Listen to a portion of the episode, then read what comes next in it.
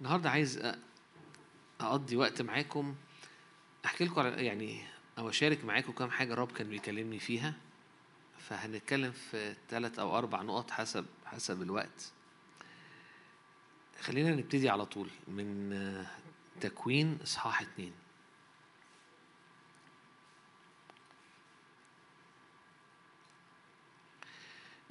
كل ما هنقعد مع الكتاب وكل ما هنقعد تكون حياتنا فيها سكيب قدام الرب وعبادة وتسبيح و... كل هتكتشف شوية بشوية أو هتتعلم شوية شوية إزاي تسمع صوت الرب وإزاي الرب يكلمك وإزاي تستمتع بال... في, ال... في- القعدة قدامه وده حاجة مش غريبة لأن هو قال خرافي تسمع صوتي فتتبعني كل ما. كل ما لما بقعد وبسمع منه كل ما يبقى فيه قوة أكتر للتبعية إني أمشي وراه كتير ممكن تكون تبعيتي بتخور أو بتتعب أو بتضعف لأنه وداني ما بقتش تسمع. لأني مش مش بقعد مش بقضي أوقات قدامه مش بقضي أوقات في العبادة. فوداني تبتدي ما تسمعش قوي اللي هو بيحكيه لأني مش مديله وقت. فما بسمعش زي ما كنت بسمع ما بسمعش صوته زي الأول. فمش عارف أتبعه. ف إحدى ركائز التبعية وإحدى الحاجات المهمة اللي تخليني عارف أجري ورا الرب وأتبعه هي إني بسمع صوته. في نشيد الأنشاد العريس بيقول عروس تعالي. بيكلمها. كل ما بتسمع صوته تعرفين نشيد الأنشاد بيتكلم عن العلاقة بين الرب والنفس بين بين الرب وبيني. كعريس ليا. فكل ما بسمع صوته كل ما في حاجة جوايا في روحي بتبقى ملتهبة بتبقى آه، حارة وسهولة بقدر أتبعه وأمشي وراه وأحبه و... و... و... وأتحرك ناحية اللي هو بيتحرك فيه. طيب يقول كده في آه، تكوين اتنين عدد أربعة هذه مبادئ السماوات والأرض حين خلقت. يوم عمل الرب الإله الأرض والسماوات. كل الشجر البرية لم يكن بعد في الأرض وكل عشب البرية لم ينبت بعد. لأن الرب الإله لم يكن قد أمطر على الأرض ولا كان إنسان ليعمل الأرض. ثم كان ضباب يطلع من الأرض ويسقي كل وجه الأرض. عدد سبعة. وجبل الرب الإله آدم ترابا من الأرض. ونفخ في أنفه نسمة حياة. فصار آدم نفسا حية. أنا عارف إنه ده إصحاح مشهور وإن إحنا كتير بنقرأ الآيات دي هيت بس عايزك تفكر معايا مرة تانية في الآيات اللي كلنا ممكن نكون عارفينها كويس. يقول الكتاب إنه إنه إنه الرب بعد لما أكمل الخليقة بعد لما خلق الكل بعد لما كل حاجة كانت جاهزة لآدم إنه إنه إنه إنه يطلع بقى للمشهد يقول الكتاب إن الرب جبل الرب آدم تراب من الأرض كلمة جبل كأنه حد بإيده بيشتغل في كل مرة كان الرب يقول قال الرب ليقل نور قال الرب كذا قال الرب كذا لكن هنا يقول الكتاب إنه جبل الرب اشتغل بإيده في آدم وجبل الرب آدم تراب من الأرض وبيقف هنا ففي لحظة كان آدم جاهز كجسم وكتكوين جسماني. لكن لسه مش نفس مش مش نفس حية لسه صح؟ في لحظة كان آدم نايم فيها موجود بجسمه لكن لسه لسه آدم ما ما طلعش ما صحيش ما صح؟ بعد كده يقول الكتاب إنه نفخ الرب في آدم أو في أنفه نسمة حياة فصار آدم نفسا حية اللي أنا عايز أقوله لك أو عايز أقوله لك أول لحظة رب نفخ في آدم صار آدم نفسا حية فتح آدم عينيه وابتدى آدم يدرك أو يوعى للدنيا وعي على إيه؟ خلي بالك كل واحد فينا اتولد طفل أو جنين واتولد وابتدى زي ما بنشوف في عيالنا شوية بشوية يبتدي يدرك حاجات عن نفسه يدرك آه، الأول بي- بيناموا وياكلوا بس وبعد كده يبتدوا يتحركوا وبعد كده يبتدوا يطلعوا صوت وبعد كده يشوفوا شوية بشوية الإدراك لنف...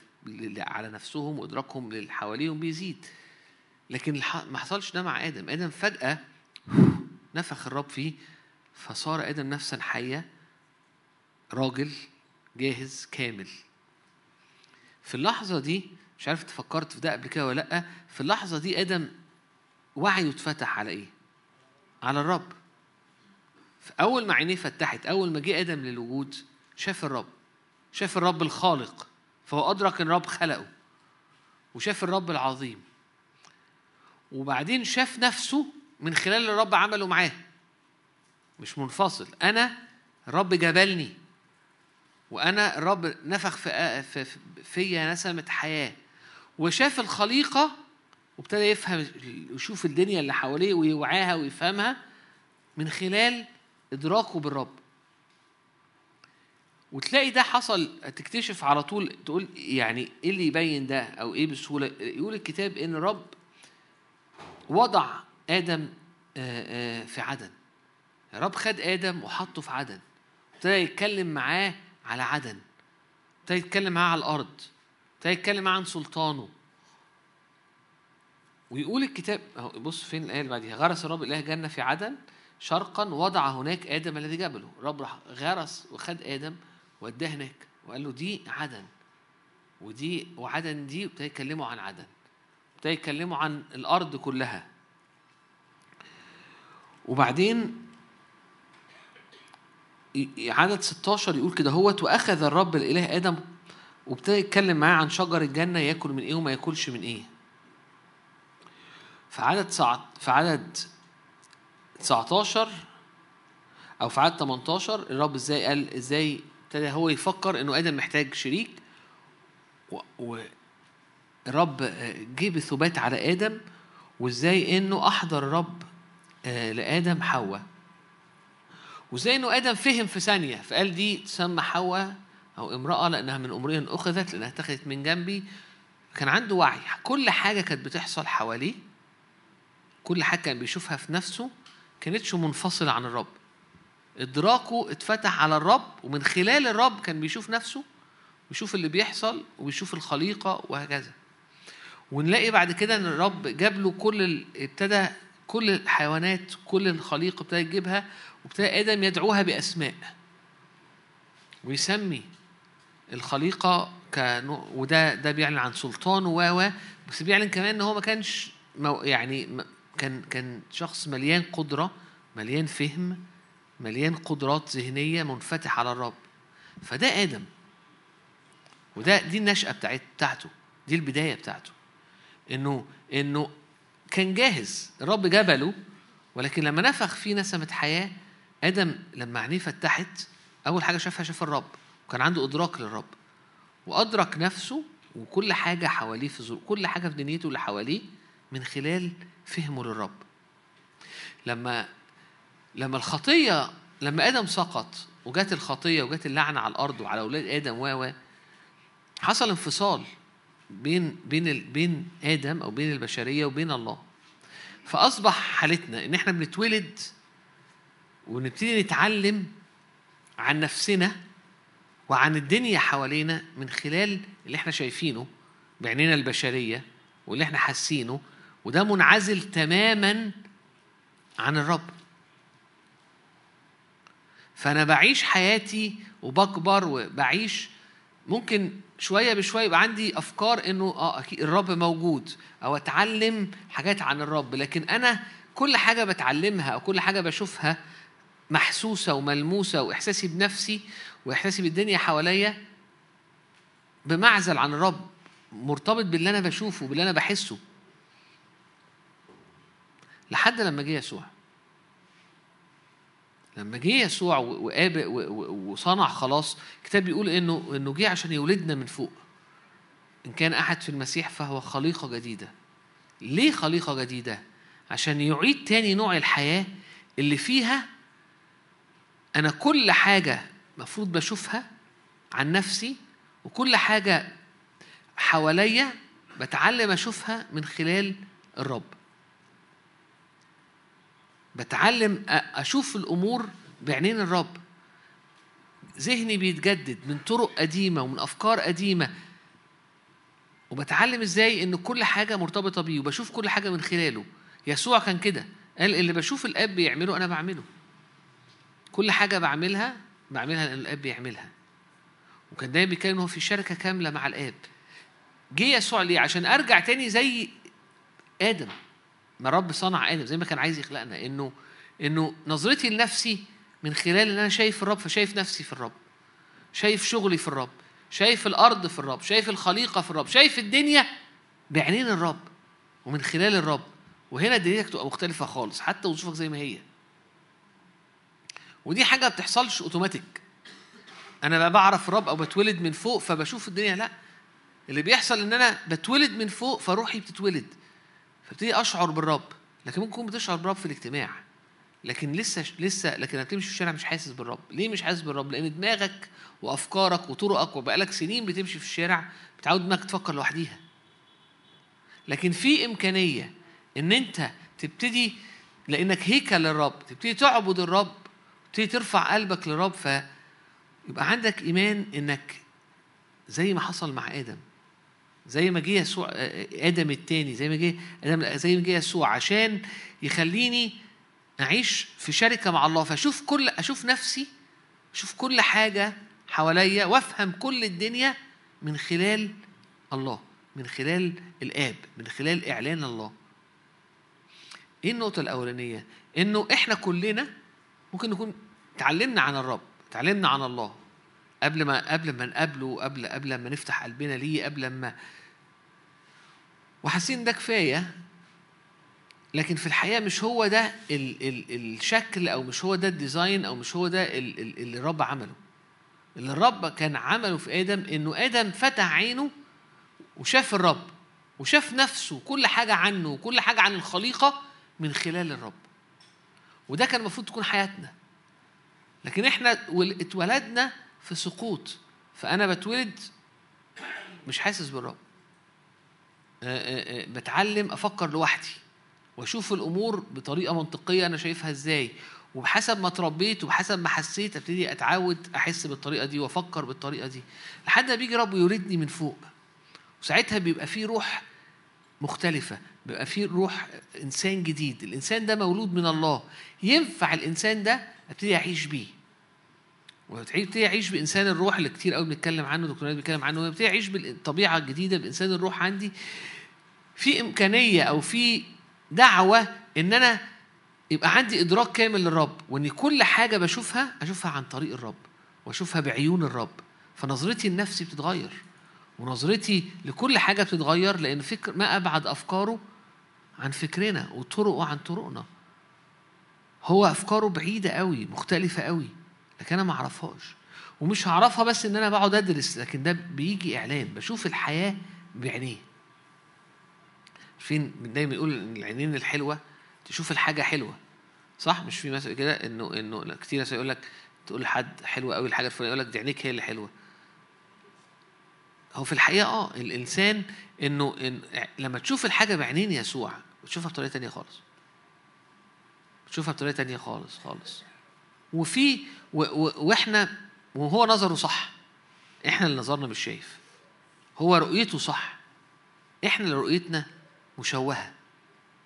ففي دعوة النهاردة أو ده اللي كان ربنا بيكلمني فيه إنه إنه إنه آدم لما لما اتفتح وعيه اتفتح على الله وشاف كل حاجة من خلاله.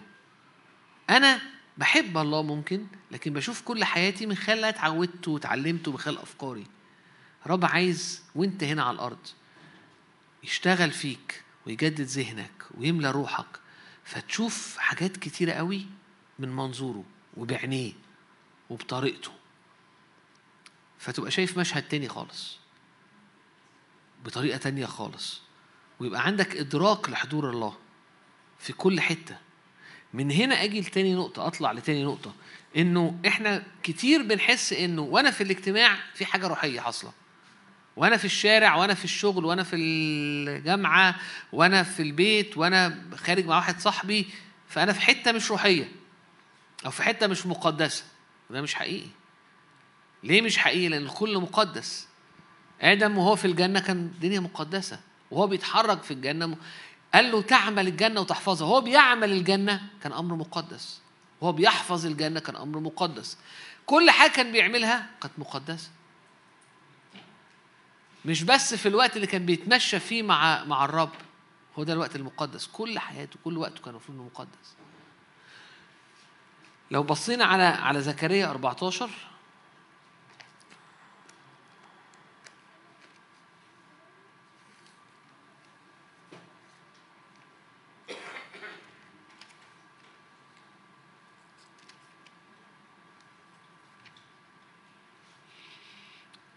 عدد عشرين.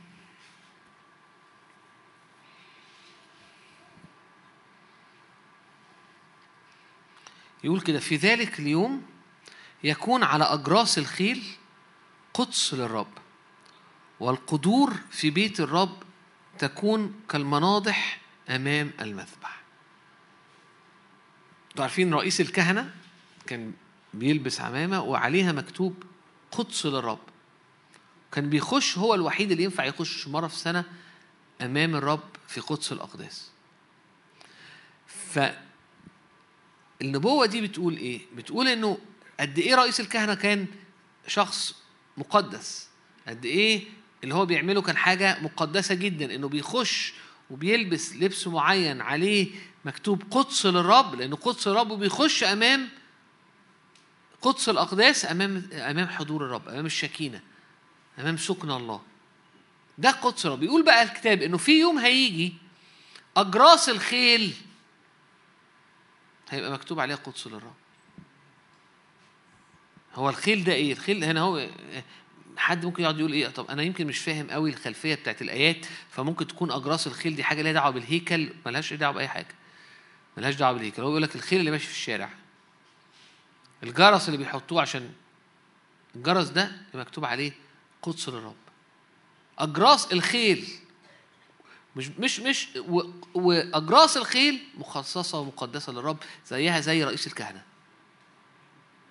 هو ده اللي حصل هو ده اللي حصل في المسيح إنه إنه وأنا بعبد فأنا أنا في حتة مقدسة وأنا في الشغل فأنا في حتة مقدسة وأنا سايق وأنا قاعد وأنا ماشي وأنا بتحرك. إحنا في قدس للرب. لأنه في اليوم إيه ليه؟ أنهي يوم اللي جه؟ اليوم اللي يسوع الوقت اللي جه يسوع وتمم العمل. فصرت أنت هيكل للرب وروح الله ساكن فيك. فأصبح كل حاجة ليها دعوة بالهيكل ده مقدسة. مش وأنت بتصلي أنت أنت مقدس أو أنت تعمله مقدس. أنت شخصية مقدسة ليه؟ لأنك أنت هيكل الله وروح الله ساكن فيك فأنت مقدس. وكل حاجة بتتحرك فيها سواء في الاجتماع سواء في شغل سواء في علاقات هي مقدسة لأنها خارجة من الهيكل. عشان كده اجراس الخيل هيكتب عليها قدس للرب زيها زي زي زي رئيس الكهنة. فتاني نقطة هي إنه في يبقى في إدراك عندي إنه كل حتة في حياتي وكل حاجة بعملها هي مقدسة. هي مقدسة للرب. هي قدس للرب. يعني علاقتي بواحد صاحبي مقدسة. يعني إيه مقدسة؟ يعني يعني عليها مقدسة يعني يعني للرب وبالرب، ليه؟ لأن أنا كلي بتاع الرب. مش مقدسة لما بس بتكلم عن الرب، مش مقدسة بس وأنا بصلي، أنا كل حاجة بعملها مقدسة. ليه؟ لأن أنا نفسي قدس للرب. في في ناس تقول لك إيه؟ الآية دي تقول لك إيه؟ إنه عشان تبقى مقدس مش تسرح الحصان أو تسرح الخيل وتقفل الاسطبل وتبطل الشغل وتروح على الهيكل وتحاول تخش جوه فتبقى قدس للرب. يقول لك لا. انت قدس للرب وخي واسطبلك قدس للرب والخيل اللي في الاسطبل قدس للرب. وأكتر حاجة يمكن تكون حاجة شكلها مش مهم اللي هي الجرس. اللي على الخيل اللي بيمشي عشان الناس تاخد بالها في الطريق الأجراس دي قدس للرب. اللي على خيلك هي مقدسة للرب. كل حتة في حياتي كل حاجة بلمسها كل حاجة بعملها هي قدس للرب. دي دي دي ده حق ودي حق ده حق مهم. ليه؟ لأن لما بتفهم كده تقدر تبقى عندك إيمان إن الرب بيشتغل في كل الدوائر دي. إن الرب يشتغل في علاقاتك وبيشتغل في حياتك وبيشتغل مع عيالك وبيشتغل في أفكارك وبيشتغل في خيالك وبيشتغل في نفسيتك وبيشتغل في في في, في كل حاجة. ليه بيشتغل في كل حاجة؟ لأن كل حاجة فيها مقدسة.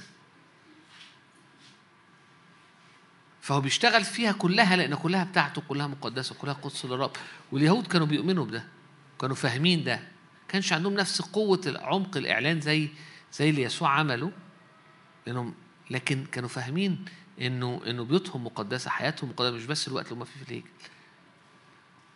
أول نقطة الوعي ان الرب عايز يفتح إدراكنا عشان نشوف كل حاجة في حياتنا بعيون الرب ومن خلال الرب. وده ده بيحتاج إن أنا كأني كأني أنا اتعلمت حاجات كتيرة محتاج أنساها وأتعلم من أول وجديد. وهو ده اللي بيخلي المؤمن متضع إنه ايا كانت معلوماته وايا كان مركزه وايا كان لما بيجي للرب يكتشف إن كل اللي فات ده ايا كان حتى وشكله حلو فهو ده مش في النور. لأنه النور الحقيقي جاء إلى العالم عشان يدينا استنارة. وعشان ينير علينا. فكل حاجة في حي... كل حاجة في حياتي كل حاجة ينفع تنور ويبقى فيها إعلان فأشوفها بصورة تانية بصورة مختلفة. فاختبر أيام السماء على الأرض لأني بختبر إرادة الرب المرضية الصالحة الكاملة. لأني بشوف بعينيه وبقيم. زي ما هو بيقيم فبختبر أموره في كل الدوائر. فدي أول نقطة. تاني نقطة إن كل دايرة مقدسة. مش الح... مش مش الوقت اللي أنا فيه في الهيكل. مش مش مش رئيس الكهنة اللي بيخش لقدس الأقداس هو ده اللي مكتوب عليه قدس للرب. لكن أتى يوم أو يأتي يوم وهو بالنسبة لنا أتى الآن. اللي جه يسوع وقال وقال كده هوت إنه قال لها كده قال لها يا- امرأة صدقيني تأتي ساعة وهي الآن. إن ولا ولا الجبل ده ولا الجبل ده هنسجد فيه لكن الساجدين الح- الحقيين يسجدون بالروح والحق. المؤ... لأن هاجي وهولد من فوق فهتكون أنت هيكل الله.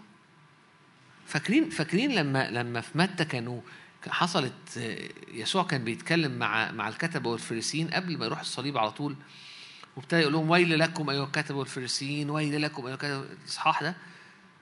في حتة كده قال لهم اتكلم على الهيكل اتكلم على المذبح اتكلم زي إنه إنه إنه الهيكل مقدس.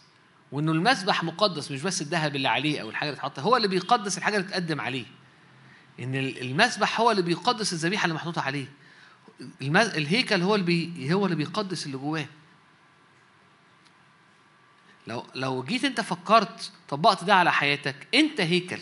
فأي حاجة خارجة منك مقدسة. أي حاجة بتعملها مقدسة. ولو أنت الأمور اللي بتعملها أو أو أو أو, أو الحاجات اللي شايفها بتقول لأ بس في حاجات بعملها غلط يبقى أنت بتدنس الأمور اللي المفروض تبقى مقدسة وكل ما الرب يجي يديك نور لقد إيه أنت حياتك كلها مقدسة كلها تبقى زي يسوع علا... سؤال هل علاقات يسوع كانت مقدسة؟ علاقته مثلا. بقرايبه علاقته بتلاميذه هل علاقته بجيرانه كانت مقدسة؟ طب هل. السنين اللي اشتغل فيها لأنه لأن إحنا مش عارف عارفين ولا لأ بس يسوع كان كان نجار و... و... و... وقعد سنين قبل سن ال 30 يمتهن النجارة. هل لما كان نجار كان كان كان اللي بيعمله ده شايفه إنه مقدس؟ آه. ما هو لو لو يسوع بيعمل حاجة مش مقدسة تبقى حاجة. طب هل قعدته مع الكتبة والف... مع العشارين كان قعدته مع الناس كانت مقدسة؟ آه. كل حاجة خارجة منه كانت مقدسة. طب هو هو انت أصب... انت أصبحت هيكل. لأن روح الله ساكن فيك. فكل حاجة خارجة منك كل دوائر حياتك هي مقدسة. فينفع يجي الرب عليها بمجد وتبقى الحتت دي هيت حتت مليانة نور ومليانة راحة ومليانة أجواء السماء على الأرض. ليه؟ لأنها مقدسة. فتاني نقطة هي إنه الكل حتى. حتى أجراس الخيل هي قدس للرب. كل حتة في حياتي. وكل ما الإعلان ده بينور عندي كل ما أمور في حياتي بتتشفي لأنها لأن كل حاجة بديها للرب كل حاجة بشوفها بعينين الرب بتنور وبتبقى بطبيعته. طيب خلينا نبص على يوحنا إنجيل يوحنا اصحاح 12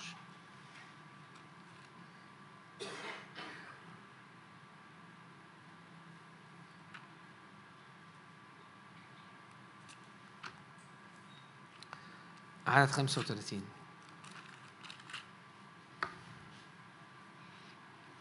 فقال لهم يسوع النور معكم زمانا قليلا بعد.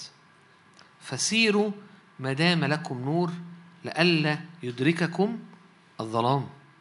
والذي يسير في الظلام لا يعلم إلى أين يذهب. ما دام لكم النور آمنوا بالنور.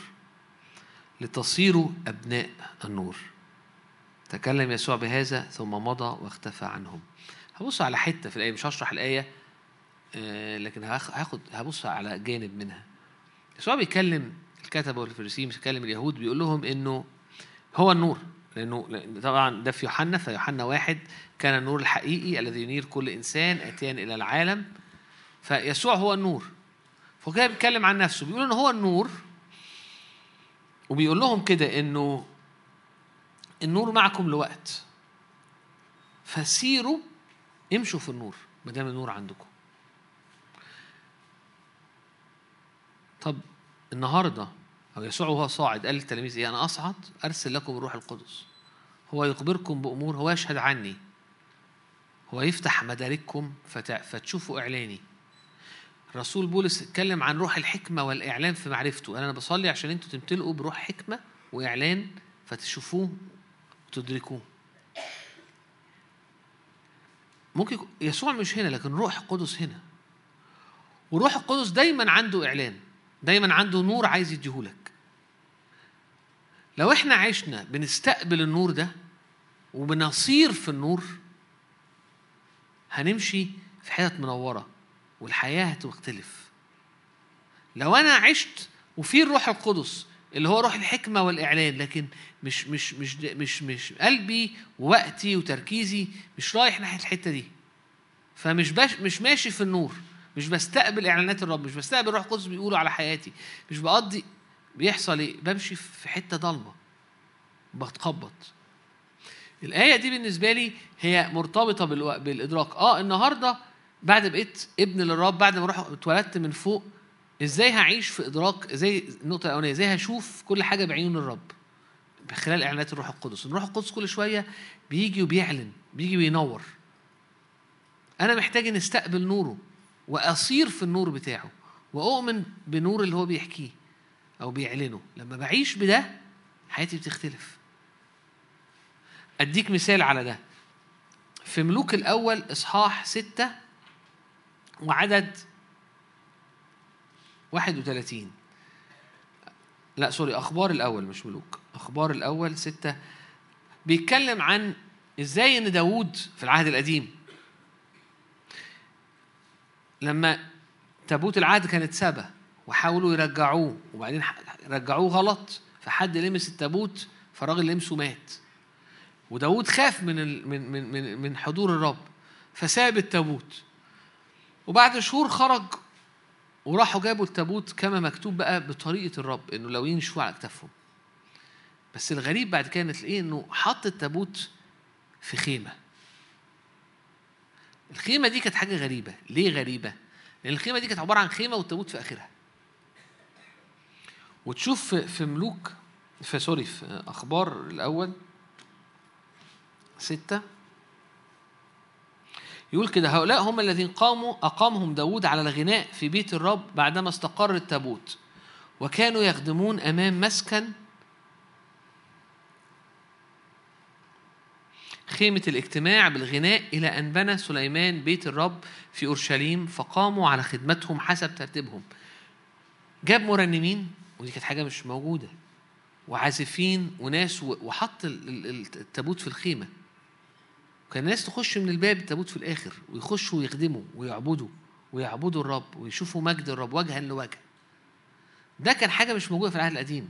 لأنه اللي هو شافه اللي هي آه، خيمة آه، آه، تابوت العهد خيمة خيمة موسى كان فيها دار خارجية الناس تقف عندها قدس ما بيخشوش غير الكهنة قدس الأقداس اللي هو فيه في حضور الرب في تابوت العهد ما بيخش غير رئيس غير رئيس الكهنة مرة. فازاي انت فجأة جبت تابوت حطيته في خيمة وخليت الناس حواليه بتعبد وترنم وتسجد و و و صبح وبالليل وناس بتعزف وناس بترنم و... ده, ده إيه ده؟ ونحن جميعا يقول عليه الكتاب بقى في العهد الجديد ونحن جميعا ناظرين مجد الرب وجه مكشوف نتغير تلك الصورة عينها طب ده عهد جديد. إزاي هو دخل؟ إزاي شاف ده؟ الرب في إعلان حصل. إعلان عن حضور الرب. إعلان لداود عن يعني إيه عبادة يعني إيه حضور ويعني إيه وجها لوجه حاجة سابقة الزمن بتاعه. ده حتى بعد ما مات بعد كده هوت هيكل سليمان كان رجع زي الأول. كان عبارة عن دار خارجية وقدس وقدس اقداس فترة داوود والفترة دي كان في حاجة غريبة. مجد الرب وينفع تخش قدام المجد وجها لوجه وتتغير.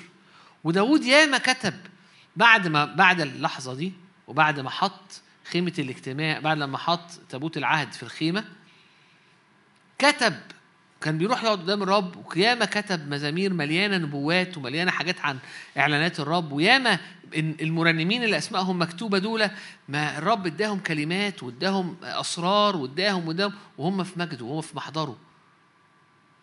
وده خل... وده غير الدنيا وغير البلد عندهم وغير وده كان أول ملك يعمل حاجة كده. ودي كانت حاجة غريبة ولحد النهارده هي حاجة غريبة.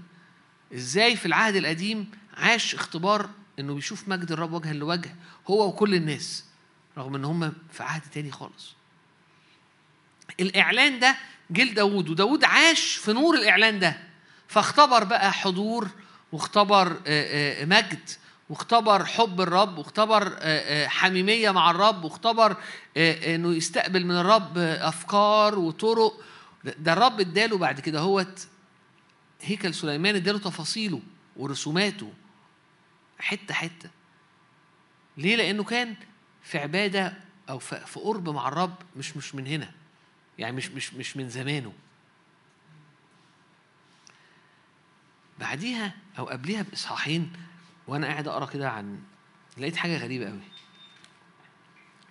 هي أخبار الأيام الأول إصحاح ثلاثة خليكم معايا بقى عشان دي إيه يعني صدمة. صدمة بجد. وهؤلاء هم بنو داود الذين ولدوا ولدوا له في حبرون. البكر أمنون من أخينوعم اليزرعيلية والتاني دانيائيل من أبيجايل الكرملية. والتالت أبشالوم ابن معكة بنت تلماي ملك جاشور. والرابع أدونيا ابن حجيث والخامس شفطية من أبيطال والسادس يثر عام من عجلة أو عجلة عجلة امرأته. كل الناس دي اتولدت له فين؟ في حبرون. وبعد كده بقى يتكلم عن أورشليم وزوجاته اللي في أورشليم ومين اللي اتولد له هناك. ما أعرفش حد قبل كده شاف حد قبل كده فكر لا حياة داوود العائلية. كانت عاملة إزاي؟ يعني مش عارف عارفين ولا لأ ابنه أمنون و- و- والخطية اللي حصلت مع ثمار وبعد كده الاغتيال اللي حصل والانقلاب الناس يعني ولاده كانوا عايزين ينقلبوا عليه وفلان اللي كان عايز ياخد الحكم. أبشالوم وأدونيا الدنيا كانت بايظة. بس في نفس الوقت في حاجة غريبة قوي الراجل اللي كان وجها لوجه وكان عنده إعلان في العبادة ومشي في نور الإعلان ده هنا ما كانش عنده إعلان في العيلة عن العيلة عن عن قصد الرب في العيلة. دي حاجة غريبة. عارفين ليه غريبة؟ لأن لأن الإعلان ده كان موجود. لأنه آدم وحواء آدم كان له حواء. لأنه إسحاق كان ليه رفقة. لأنه لأن لأنه كتير لأنه كتير قوي كان في أنماط رجل لامرأة. كان في ناس عندها الإعلان ده. اللي اللي داوود أو اللي اللي داوود اختبره من مجد في العهد الجديد شافه بإعلان إنه جميع الناظرين مجد الرب وجه المكشوف نتغير. في حتة في دايرة تانية خالص كانت دمار إنه كانش عنده نور من الرب أو إعلان في الدايرة دي. انه انه إنه في سر المسيح والكنيسة وإن الرب خلق ذكر وأن... ذكر وأنثى ليكون الراجل لامرأة واحدة زي المسيح ملك الكنيسة وزي إن سر المسيح والكنيسة سر عظيم وبناء عليه رب خلق أو رب عين آدم لحواء حواء لآدم وآدم لحواء. ما كانش عنده ده. وما مشيش في نور ما جاش الإعلان ده وما مشيش في نور الإعلان ده فالدايرة دي حصل فيها إيه؟ دمار. هل ده عقاب؟ نقدرش نقول إنه عقاب. هل ده قدر؟ أنا ما بحبش كلمه يعني هم الناس بتقول بالقدريه لا مش قدر. أمال ده إيه؟ مفيش نور مفيش إعلان. فمشي في الظلام ولا يعلم هو رايح فين. ما كانش عنده نور في الحتة دي. إزاي داوود ما عندوش نور؟ هي دي النقطة عايز أتكلم عليها إنه مهما إنه أنا اللي بقرر إزاي إن في كل دايرة بطلب إعلان. إزاي إن في كل حتة في كل آية في كل دايرة كل حاجة مقدسة البيت والعلاقات و... ففي كل دايرة الرب دايما عنده كلمة والرب دايما عنده نور والرب دايما عنده إعلان. لو أنا جعان للنور ده وجعان للإعلان ده الرب هينور هيجي بإعلان هيجي بنور. ولو أنا ابتديت أستقبل النور وأمشي في النور في الدايرة دي الدايرة دي هتثمر للبر. وينفع تكون في دواير مليانة نور ودواير مليانة ظلمة. دواير فيها بصير في النور وبؤمن في النور بالنور ودواير تانية في ضلمة. زي ما حصل هنا. سليمان ابنه مليان حكمة مليان مجد جابها منين؟ لأنه لأنه كان مليان عبادة. النور اللي كان عند أبوه في العبادة جاله. كان عنده نفس النور. مشي على خطاه. منين؟ لو تفتكروا لما كان بيقدم الهيكل إزاي كان مهتم بالهيكل إزاي بنى الهيكل إزاي عط فيه كل مجهوده. الهيكل بيتكلم عن إيه؟ عن العبادة. إزاي قدم الذبايح أول يوم ده كان ذبايح قد إيه ومجد الرب جه. عبادة غير عادية إعلانات في العبادة. لكن على نفس خطى داود كانش عنده إعلان تاني. إعلان أفسس. أفسس 5 23 فحصل إيه؟ فأتجوز كتير ونساء وأملنا قلبه والدنيا باظت. خلينا نبص مع بعض على أفسس خمسة معلش. 23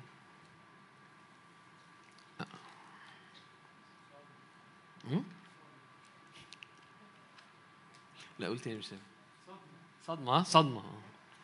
لأن الرجل هو آه لا استنوا مش هنبتدي من 23 أفسس خمسة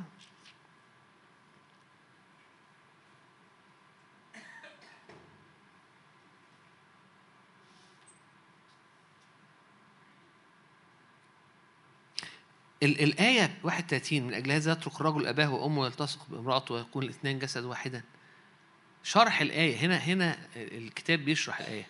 هنا الإعلان. إنه إنه إنه ده إعلان عن العلاقة بين الله بين المسيح وبين الكنيسة. كان ممكن يكون الإعلان ده كان ممكن الإعلان ده يستقبله آه، داود وحياته تبقى مختلفة خالص في دايرة. كان ممكن الإعلان ده يستقبله أو سليمان. لكن ما كانش. إيه اللي عايز أقوله؟ إنه دايما الرب عنده كلمة دايما كل دايرة مقدسة ودايما الرب عنده إعلان وعنده كلمة الحاجات كتير قوي في حياتنا. عن الأبوة عن النج... إعلان عن كل حاجة. إعلانات إعلانات إعلانات إعلانات. وهنعيش في الأبدية كلها الرب عمال يعلن في السماء عن أمور. دوري هنا إن أستقبل نور الرب وأمشي فيه. فاعيش في النور وامشي في النور فما تهش.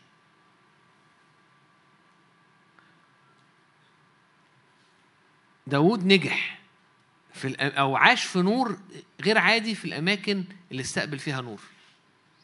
وفي أماكن تانية ما استقبلش فيها نور الدنيا كانت فيها دمار. مرة تانية يسوع قال لهم إن هو النور وإنه إنه امشوا في النور سيروا في النور ما دام لكم نور. يسوع مش ما النهارده نقول يسوع صعد أرسل الروح القدس مليان نور. من ملء يسوع إحنا عاملين ناخد نعمة فوق نعمة. إعلان فوق إعلان. أو استنارة وراها استنارة في دوائر مختلفة. أهم حاجة أبقى أنا جعان. أبقى أنا جعان إني عايز نور. وأبقى أنا فاهم إنه لأ أنا ما فيش نقطة في حياتي أنا مش محتاج فيها نور. مش فيش حتة في دايرة في حياتي أنا في أوكي أنا مكتفي. أنا ينفع أمشيها بقدرتي. أنا في كل دايرة وفي كل حتة محتاج نور إعلان. محتاج نور الرب. وأنا عندي نور في نور أعلى ينفع يجي ينفع الرب يديهوني. وفي نور أعلى ينفع الرب يديهوني. وكل ما بستقبل نور من الرب وكل ما بمشي في النور كل ما الحياة بتثمر للبر. وكل ما دواير في حياتي بتتفتح. كل ما اختبر أيام السماء على الأرض.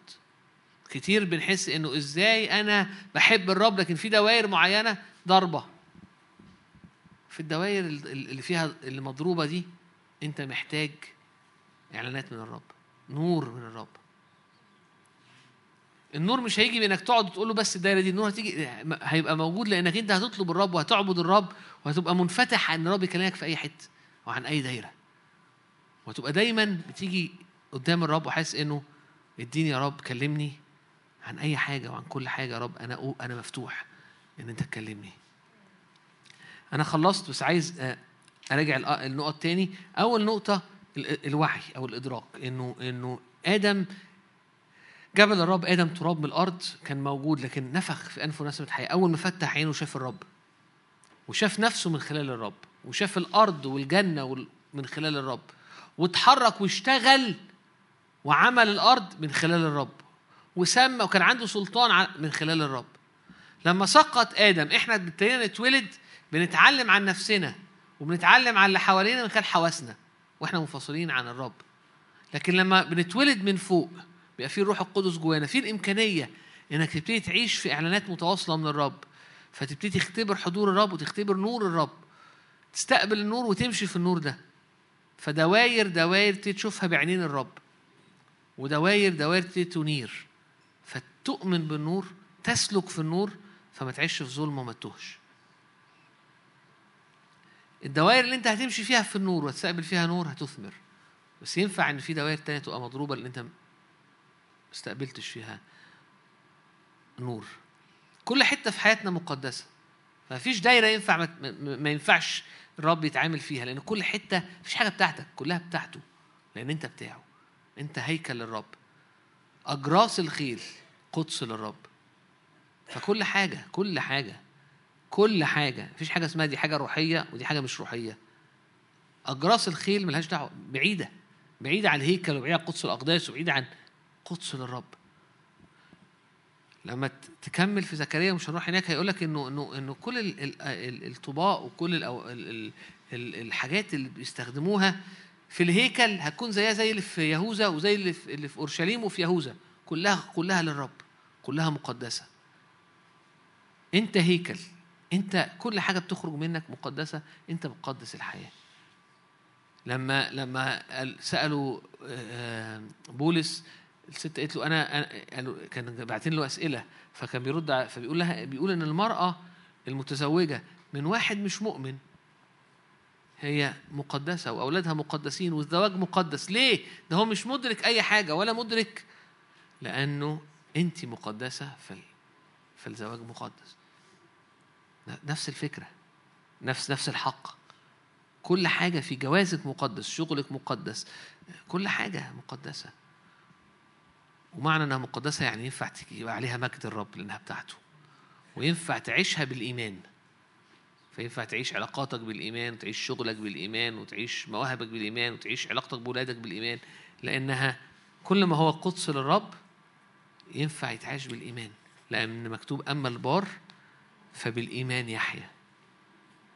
فإحنا عايشين بنتنفس إيمان وبنتحرك في كل دايرة بالإيمان لأن كل دوايرنا هي مقدسة. وكل يوم بعد يوم بنتغير إلى تلك الصورة عينها من مجد إلى مجد لأن بنستقبل نور وبنعيش في النور. لأن إحنا أولاد نور. إحنا إيه؟ أولاد نور. أمين؟ أمين. نفسي ترفع قلبك معايا كده اهوت لأنه في حاجات كتير اتقالت النهارده. أنا عايز أقول لك اللي أنا بحكي لك عنه دي الحاجات اللي ربنا بيكلمني فيها ودي الحاجات اللي أنا بصلي إني أدركها أكتر. لأن كل ما بدركها كل ما بعيش فيها كل ما بفلح في حياتي. فتعالى يا رب علينا يا رب النهارده بعمق جديد يا رب في الإعلان. تعالى يا رب ونور يا رب في قلوبنا. يا رب تعالى واغرس يا رب الكلمة يا رب في قلوبنا إنه يا رب البار يا رب يعيش بالإيمان إنه إنه كل حتة في حياتنا هي قدس للرب أجراس الخيل قدس للرب إنه إنه يا رب نشوف كل الد... يا رب نشوف كل حياتنا كل دوايرنا نشوف ذواتنا من خلال نور إعلانك من خلال عيونك أو من خلال نظرتك أنت تعالى يا رب علينا تعالى يا روح الله يا رب. واملك كل الكيان املك أفكارنا واملك أحلامنا و... واملك مشاعرنا واملك توجهاتنا وامتلك آه، أجسادنا وأرواحنا وأشغالنا وخروجنا. قال له تكون مبارك في خروجك ودخولك. ليه؟ إزاي؟ إيه خروجه ودخوله يعني؟ هو مقدس. فدخوله وخروجه مقدسين. في الحقل وفي البيت و... ليه؟ إيه؟ كل ع... تثنية عمال يقول له دواير دواير ليه؟ إزاي كل الحاجات دي تبارك فيها؟ كل الحاجات دي تكون مقدسة فكل الحاجات دي يجي عليها البركة أو يجي عليها الحضور لأنها بتاعته. تعالى يا رب علينا النهارده تعالى علينا النهارده تعالى علينا النهارده يا رب. هللويا. تعالى علينا تعالى يا رب. يا رب لأننا شعبك وغنم مرعاك يا رب. إحنا ليك يا رب إحنا ليك. يا رب اشتريتنا لا بأشياء تفنى بذهب أو فضة لكن بدم ثمين بلا عيب هللويا. تعالى علينا عشان نختبر يا رب. غنى حضورك غنى مجدك. نختبر يا رب نور إعلانك. هللويا. تعالى باختبارات يا رب. تعالى يا رب نور. هللويا. املك حياتي ام- املك كياني املك كل لحظة كل لحظة كل لحظة كل فكرة كل دايرة. فأنا لك. أنا لك. كلي بجملتي. أنا لك. أنا ليك يا رب. كل دوائر حياتي مخصصة. كل دوائر حياتي م... مش بحاول أقدسها هي مقدسة. أنا مش بحاول أقدس الحياة الحياة مقدسة. لأني أنا اشتريت بثمن لأني هيكل الرب أنت مش بتحاول تقدس شغلك أنت شغلك مقدس فيك. ومن المكان ده بتتغير الشغل ومن خلال ده بتغير حياتك. وخلال ده بيتغير نظرتك للأمور وسلوكك بيتغير. لما تدرك إنك قدس للرب وإن كل حتة فيك كل حاجة فيك هي قدس للرب. كل علاقة كل مكالمة تليفون قدس للرب. كلي لك يا رب. هللويا. افتح مداركي افتح مداركي افتح مداركي يا رب عشان أرى كل حاجة من خلال يسوع. أرى كل حاجة من خلال يسوع. الأشياء العتيقة قد مضت. هوذا الكل قد صار جديدا. أنا إلا هيكل لله أنا إلا سكن الإله. أنا إلا هيكل لله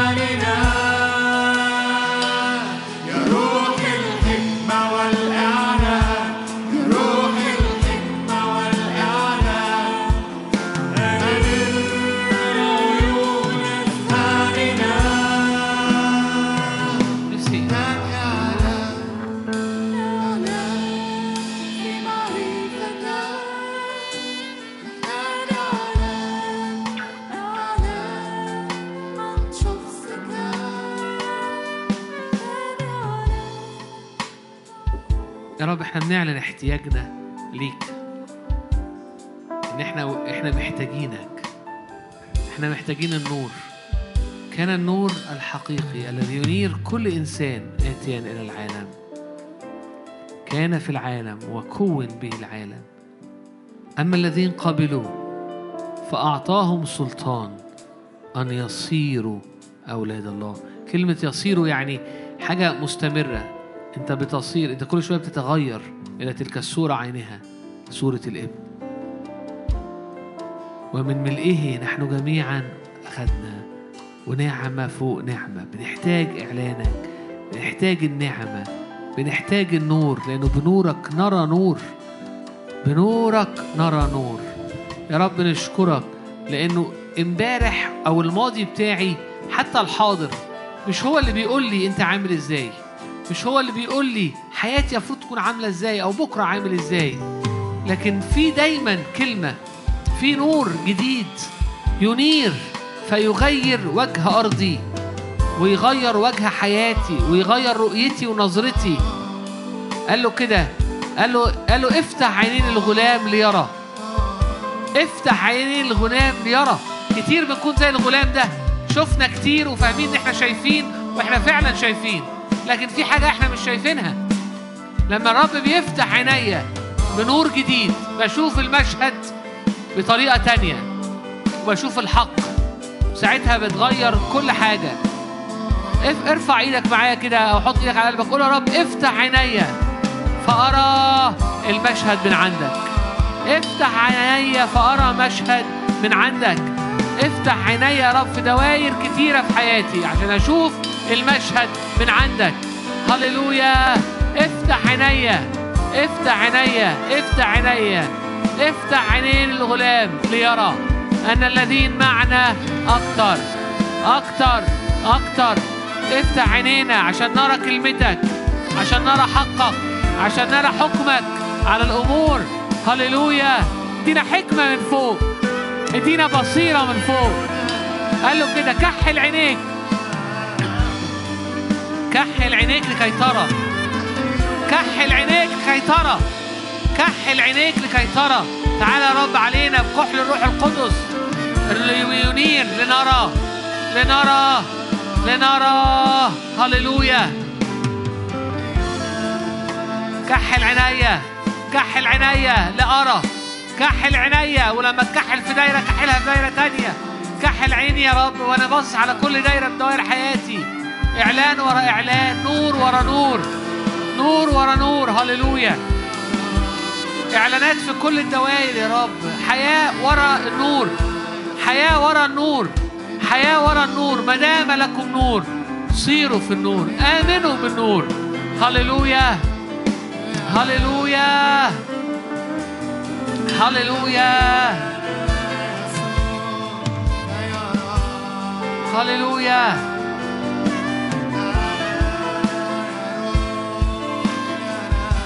هللويا.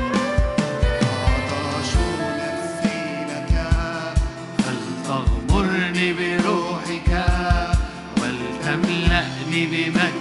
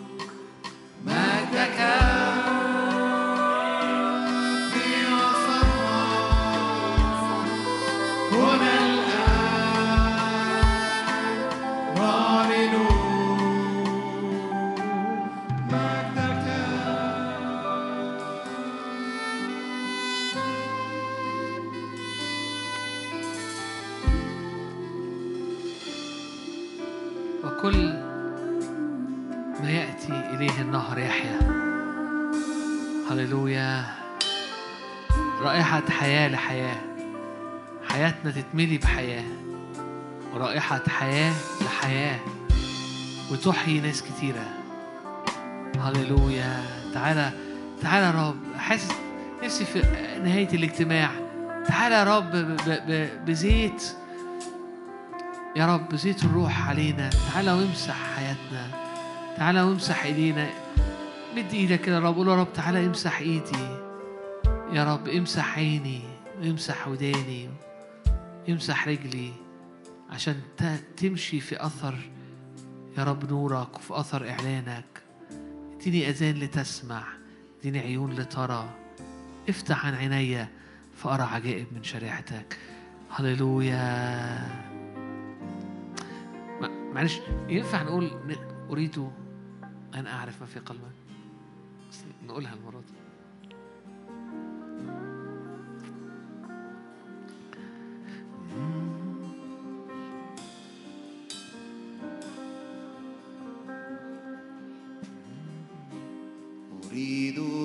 أعرف ما في قلبك.